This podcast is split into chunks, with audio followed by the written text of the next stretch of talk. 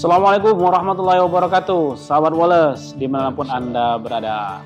Alhamdulillah kembali bersama saya Abdul Malik Syafi'i dalam program Wallace Wawancara dan Obrolan Santai. Hari ini kita kedatangan tamu yang cukup mulia uh, Suatu kehormatan bagi kita telah hadir bersama saya narasumber kita kali ini Dr. Kiai Haji As'ad Said Ali. Beliau adalah mantan Wakabin era Presiden Gus Dur, Megawati, dan juga SBY, Pak ya. Ya. Dan akhir tahun yang lalu beliau ini baru saja uh, menerbitkan buku Perjalanan Intelijen Santri. Nah, kita pengen mengupas sedikit buku ini, bagaimana uh, sesungguhnya buku ini bisa terbit dan pesan apa yang ingin disampaikan oleh beliau. Pak Kiai, apa kabar? Alhamdulillah baik aja. Ya, terima kasih Pak Kiai sudah hadir di Palembang dan bisa podcast bersama kami. Eh, Pak Kiai langsung saja ini Pak Kiai. Ya. Eh, kami menerima dan mengetahui buku ini sudah terbit.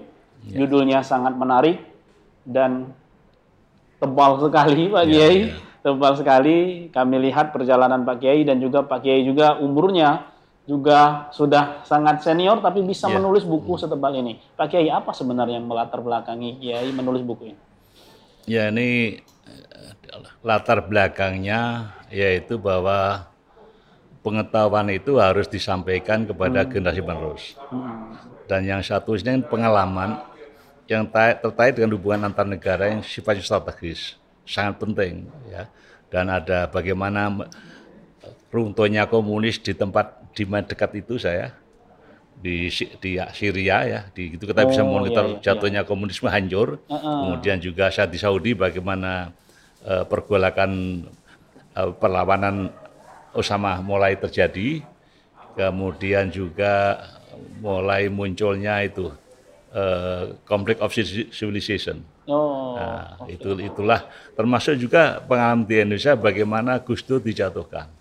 Itu satu yang penting sekali. Iya, Jadi iya, iya. itu satu semua itu pengalaman. Tidak ada tidak ada negatif, ya semuanya positif. Itu pengalaman bangsa dan negara dan menurut saya eh, alangkah baiknya kalau itu di bisa sampai kepada generasi proses untuk pelajaran. Mana yang positif tampil, yang jelek Mm-mm. kita buang. Nah, seperti itulah kan ini masalah yang sangat yang satu semua strategis, tidak ada yang Oh tidak. ya. Iya, iya. Artinya Kiai menceritakan perjalanan Kiai, Ya. menceritakan ilmu yang Kiai Ya, peroleh di mana pun melalui tulisan Ya. dan tertuang. Berapa lama nulis ini Kiai? Itu mulai awal COVID, Oh, ini hasil Covid berarti. ah ya COVID, kemudian mungkin dalam waktu 8 bulan selesai. Tetap, 8 bulan, Ya selesai. 550 Eh, halaman. teman persoalannya kan waktu itu banyak eh, pengetik LP3S banyak yang meninggal. Mungkin lima Oh, orang meninggal sehingga iya, iya. terkatung-katung sehingga baru menjelang dua tahun selesai. Alhamdulillah. Iya, iya, Ya. alhamdulillah. Kiai, pesan apa sebenarnya pengen Kiai sampaikan dari buku ini, Kiai? Ya banyak ya. Misalnya begini, hancurnya komunisme. Hmm. Itu di situ saya lihat satu ideologi itu harus lahir dari suatu budaya. Ya, ya. Budaya kemudian dikaitkan dengan ilmu pengetahuan. Diproses menjadi kegiatan politik itu lahirnya itu. Jadi komunisme itu utopi, khayalan. Sifatnya khayal maka hancur. Ya. Akhirnya Soviet yang hancur pertama karena eh, pertama dia perang lawan Afghanistan mulai 2080 sampai 90 kehabisan duit. Yang ketiga juga sistem komunis tidak bisa memakmurkan rakyat, kurang makan, kurang gandum, makanya iya, iya, iya, iya. babak anu. Ya, Jadi sistem komunis itu enggak enggak sesuai dengan ilmu pengetahuan, Ah. hanya khayalan utopia. Ya, ya, ya. Nah, yaitu yaitu yang itu yang pertama yang saya Itu katakan. pertama aja ya. Oh iya itu yang kedua juga ya kita udah punya sendiri yang namanya Pancasila. Ya. Itu lahir dari khasanah budaya dikait dengan ilmu pengetahuan para pendahulu itu dan juga agama. Ya. Nas, apa, agama, nasionalisme, internasional dan eh, budaya. Jadilah eh, ideologi yang seperti kita ini. Gitu. Benar, benar. Ah, gitu. iya, iya. Tapi kenapa Kiai memilih judul Intelijen Santri? Kiai? Ya, karena Ini menarik judulnya. Kiai. Pertama memang dari tahun 74 saya bergabung dengan dengan bagian dari intelijen negara 74 ya. Iya. Dan saya pensiun tahun 2011, 2010. Eh, karena masuk NU terpaksa pensiun. Mestinya saya sampai 2012 karena saya boleh diperpanjang sampai umur 62, mesti 60 62 tapi karena Kiai Sahal yang famili saya minta saya memperkuat NU, saya lepaskan jabatan saya dua tahun demi Nahdlatul Ulama. Ini biar orang tahu semua nggak apa-apa Ya, aja. ya, Ya, ya, itu gitu. Jadi latar belakang biografi Kiai Ya. Kiai juga Ya. dari santri itulah Ah, menginspirasi ya, jadi ya, ya. judul buku ini. Ya, Kiai, eh, ini menarik ya, ya. Buku ini kan sama tebal. Tapi saya tertarik pada poin misteri lengsernya Gus Dur. Ya. Nah, ini Kiai kan banyak sekali Hmm. eh, buku-buku yang lain yang Ya. sudah kami baca. Tapi buku ini menampilkan sisi yang lain. Ya. Apa yang pengen coba cerita Ya, sedikit kalau saya kan dari hard fact, Ah, saya tahu apa yang sebenarnya terjadi. ya. Jadi suatu saat apa namanya? Saya di apa namanya? Saya ketemunya Pak Amir Rais Hmm. dengan Usman Sabta. Oh, Ah, Saya nanya Pak Ismail, eh, Pak Amir Rais, Pak, kenapa jatuhin Gus Dur? Enggak, saya enggak jatuhin. Ya. Saya enggak jatuhin. Orang lain yang dianuat. Buktinya apa Pak Sen? Ya kan, kan ketemuin aja kita ketemu. Ya. Ketemu terus, tapi gini At, ketemunya itu nanti, tidak tak di buku saya. Saya ngutus orang, dia ngutus orang. Nah, kalau udah selesai kita ketemu belak kenapa tidak langsung? Tidak bisa. Man khawla Gus Dur, itu siapa? Akan menggagalkan. Man khawla, apa yang Gus Dur akan menggagalkan. Kan di situlah persoalannya man khawla Gus Dur itu. Wah iya, makanya akhirnya gagal. Ya. Sebelum pertemuan diucapkan Gus Dur ngomong apa? Kami akan bertemu apa Amir Rais di Darwin. Akhirnya Amin dia lupa. Itu gagal kalau begini Pak Asad. Itu kan kalau kita sudah sepakat berdua apa ber, ber- utusan lalu berdua plek tinggal deklarasi. Kalau enggak itu nanti tidak saya pun akhirnya tidak setuju. Itu, itu yang pertama. Yang kedua, eh, Bu Mega. Bu Mega melalui Yakob Tobing, Pak Sabto Syafi'i, Agnita Sigiatingati. Dengan saya draft perdamaian ini Ya. di- diputuskan oleh akan ditangani oleh Ketua Golkar, Ketua DPR waktu itu Abad Tanjung. Intinya intinya formula perdamaian lah intinya Gus Dur presiden, Bu Mega sebagai wakil presiden, tetapi kalau sidang kabinet yang buka Gus Dur, ya, ya. kemudian yang memimpin Bu Mega karena Bu Dur physically sick Ya. jalan Ya, itu ya, ya, itu. ya, ya. Tapi nanti tetap presiden itu Pak Asad. Hmm. Itu baga Gus Dur. Apa dia bilang Gus Dur? "Ah, Ini pelajaran bagi kita semua. Ya, Asad, kamu orang Islam? Iya Pak. Apa dasar kamu berpikir? Quran, hadis, ijma, kias. ya. Quran, hadis, baik. Kalau bernegara apa? Ya konstitusi Pak Dur. Apa konstitusi ada begitu? Hmm. Kalau itu saya tantangani, saya selamat presiden, tetapi nanti pengganti saya dikudeta juga. Bu- Budi anu apa ki- kita ngakali konstitusi, konstitusi kita jaga. Bernegara harus menjaga konstitusi, tidak Ya. boleh melanggar konstitusi. Ya, ya, ya. Saya jatuh nggak apa-apa dia bilang. Hmm. Saya tuh jatuh nggak apa, Ba- bakar. Tak bakar, harus dibakar karena beliau kan kurang begitu paham anu kan. Bahkan dia lihat kalau itu. Ya. Jadi, jadi konstitusi pegangan bernegara. Ya. Saya jatuh nggak apa-apa. Jabatan dari Allah, kembali Allah tidak apa-apa. Ah. Itu Gus Dur, pemimpin kita.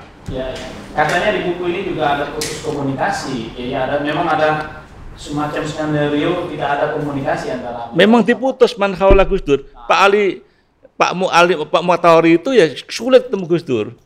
Gus Im itu susah bahkan dia sendiri. Siapa? Diputus man Siapa khawlanya dia? itu. Ah, semua tahu lah saya nggak mau ngomong, nanti ada ribut, itu kan? Ah, iyalah, ah, iya, iya. Ada ini berarti game misteri itu? Apa kita disuruh menebak sendiri? tebak sendiri. Ya, ya, ya. Kalau di kamar saya tak kasih tahu. Ah, itu kan? Artinya eh, buku ini juga sama Wallace membuka wacana kita sisi lain sebenarnya eh, bagaimana misteri lengsernya Gus Dur. Ada banyak tanggapan dan juga opini dan ini sisi lain yang beliau tampilkan secara faktual. Karena dia berada di dalam Ya, ya. lingkaran sejarah itu ya. Ya, ya. Jadi nah, kita beralih bicara soal Gus Dur ini memang nanti soal turunnya agak hati-hati juga ya. ya. Bahaya nanti. ya. Baik, jadi uh, sekarang kan sudah mulai ramai juga soal radikalisme, kemudian terorisme, Mm. katanya juga sudah mulai masuk pesantren, statementnya Hmm, ada hmm. gitu ya, sampai ke masjid-masjid. Jadi bagaimana menanggapi ini? Jadi ada pesantren yang milik, milik golongan teroris. Ada. Ada. Emang ada ya? Ada. Tetapi terbatas sedikit sekali. Makanya BNPT, edv lain jangan ngomong pesantren sarang teroris. Ya. Sebut aja pesantren mana yang teroris, sebut aja. Hmm. Tapi sama-sama kita ya, kan kita netralisir. Ya. Itu keliru. Jadi stigma tidak boleh. Memberantas terorisme saya dukung kita semua dukung. Tapi memberi stigma Islam teroris itu adalah salah. Karena itu tidak menyelesaikan persoalan, menambah persoalan. Ya. jadi jadi mohon kiranya kelompok Islam yang macam saya ini, kalau ada ngomong Islam teroris itu yang dimaksud bukan kita, yang dimaksud ada yang teroris itu itu loh, itu. Ya gitu kan. Ada tempat kecil ya, bisa mewakili banyaknya jutaan pesantren yang ada di Kita juga jangan jangan jangan usah terlalu overacting ya, ya. menjawab itu tapi juga pejabat juga menjelaskan sebut aja pesantren mana. Ya. Ah ya tapi kan ini kayak faktanya sudah mulai katanya masuk di sekolah ya di kampus-kampus. Ini bagaimana kayak kita sebagai generasi milenial untuk uh, agar tidak terjebak dalam dalam makanya itu bagaimana Pancasila ya. Pancasila diterapkan Pancasila dijabarkan dalam kegiatan sehari-hari Hmm. Itu yang terjadi, yang harus itu dan itu malah pendidikan pendidikan agama jangan dihilangkan dari sekolah-sekolah. Bisa aja dipraktekkan aja. Hmm. Misalnya upacara tetap ada penghormatan bendera. Kemudian upacara agamaan tidak boleh ditinggal. Ya. Kemudian saling menghormati diajarkan. Terus diajari apa eh, jangan saling eh, mendiskreditkan orang. Jadi di mana yang teroris itu ketahuan. Dulu ada program penggalangan, ya. sekarang nggak ada. Mm-hmm. Siapa yang ditugasi kita nggak ngerti. Kenapa? Kita terlanjur demokrasi bebas, siapa pun apa boleh.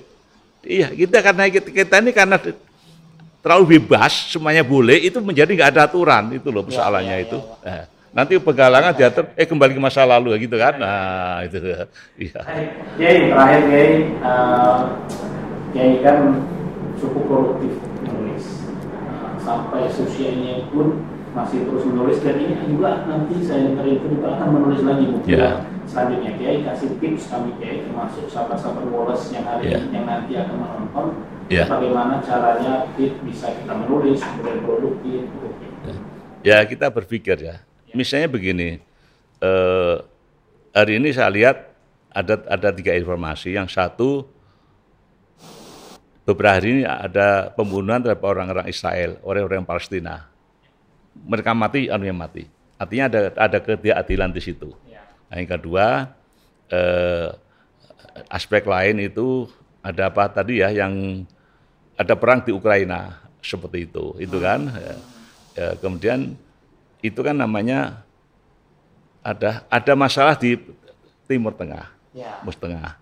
Dan itu masalah kan tahu diakan dengan Barat jadi, jadi isu ada ketidakadilan dan kadang di, sumbernya berdebat masalah internasional. Pertama, Palestina dapat keadilan. Yang kedua juga Palestina juga tidak paham apa yang terjadi. Dijawabnya dengan kekerasan. Itu tidak hanya persoalan. Ya kan, mestinya itu ya kita sebagai orang lain harus memberikan uh, kalau ingin Palestina damai, tahu jauh kelemahan Israel. Apa kelemahan Israel? Dia itu minta jaminan keamanan seluruh negara Arab ya kan? Ya. Jadi negara bersatu bagaimana kamu tak jamin keamanan kamu, berikan kemudahan pada orang Palestina dengan politik. Yasir Arafat itu dengan politik. Jadi yang terorisme kan duluan, PFPLP macam-macam, uh, akhirnya gagal. Berubah dia menjadi presiden politik perundingan, perundingan dan berhasil. Israel tunduk, mau berhasil. Banyak makanya perdam, apa, uh, perjanjian apa mengenai pendidikan negara presiden itu disetujui kan. Tiap 10 tahun diperbarui tapi setelah itu macet karena apa? Yang Israel yang kuasa kelompok radikal, ya. yang akan berkuasa ini kelompok yang daihat ya, ya, ya. bukan partai buruh lagi sekarang ikut. Sedangkan yang Palestina muncul Hamas yang keras dibantu Iran sama Syria. Jadi Syria pun harus ada diajak berundingan karena dia punya wilayah di Israel. Jadi nggak bisa hanya PLO mesin Syria harus dilibatkan. Itu bagaimana cara terlibat supaya dia kalau dia damai, wilayahnya sebagian dikasih kembalikan, Kunetra itu kepada yang sekarang dia tidak bertuan, itu, itu satu kota nggak bertuan. Jadi sarang hantu. Kembalikan aja kepada dia, jajak damai. Itu bisa kira-kira itu. Jadi siapa yang mulai itu? Ini nggak ada karena kira-kira dibiarkan seperti itulah. Jadi, jadi ya perang perang apa namanya uh, terorisme seperti itu ya. ya Oke. Okay. Ya, ya. Baik, Kiai, terima kasih Kiai uh, waktunya, kemudian kesempatannya kami doakan Kiai. Ya. Semoga Kiai sehat selalu. Ya. Uh, kami masih sangat butuh di bangsa ini, ya. terutama kami muda-muda ini, bagaimana Kiai memecahkan masalah memecahkan problematika dengan solusi yang damai. Ya, ya, ya. itu tertuang juga dalam buku ya, benar, benar. Dan kami sangat mengharapkan pemikiran-pemikiran Kiai yang berikutnya yang bisa kami ikuti. Ya. Dan bisa kami ambil.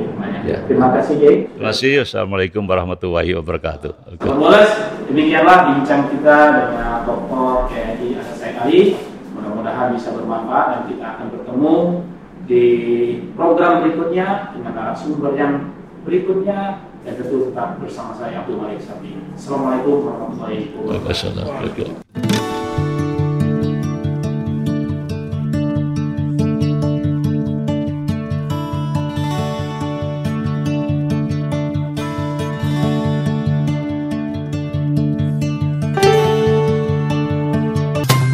Kasih telah mendukung channel ini.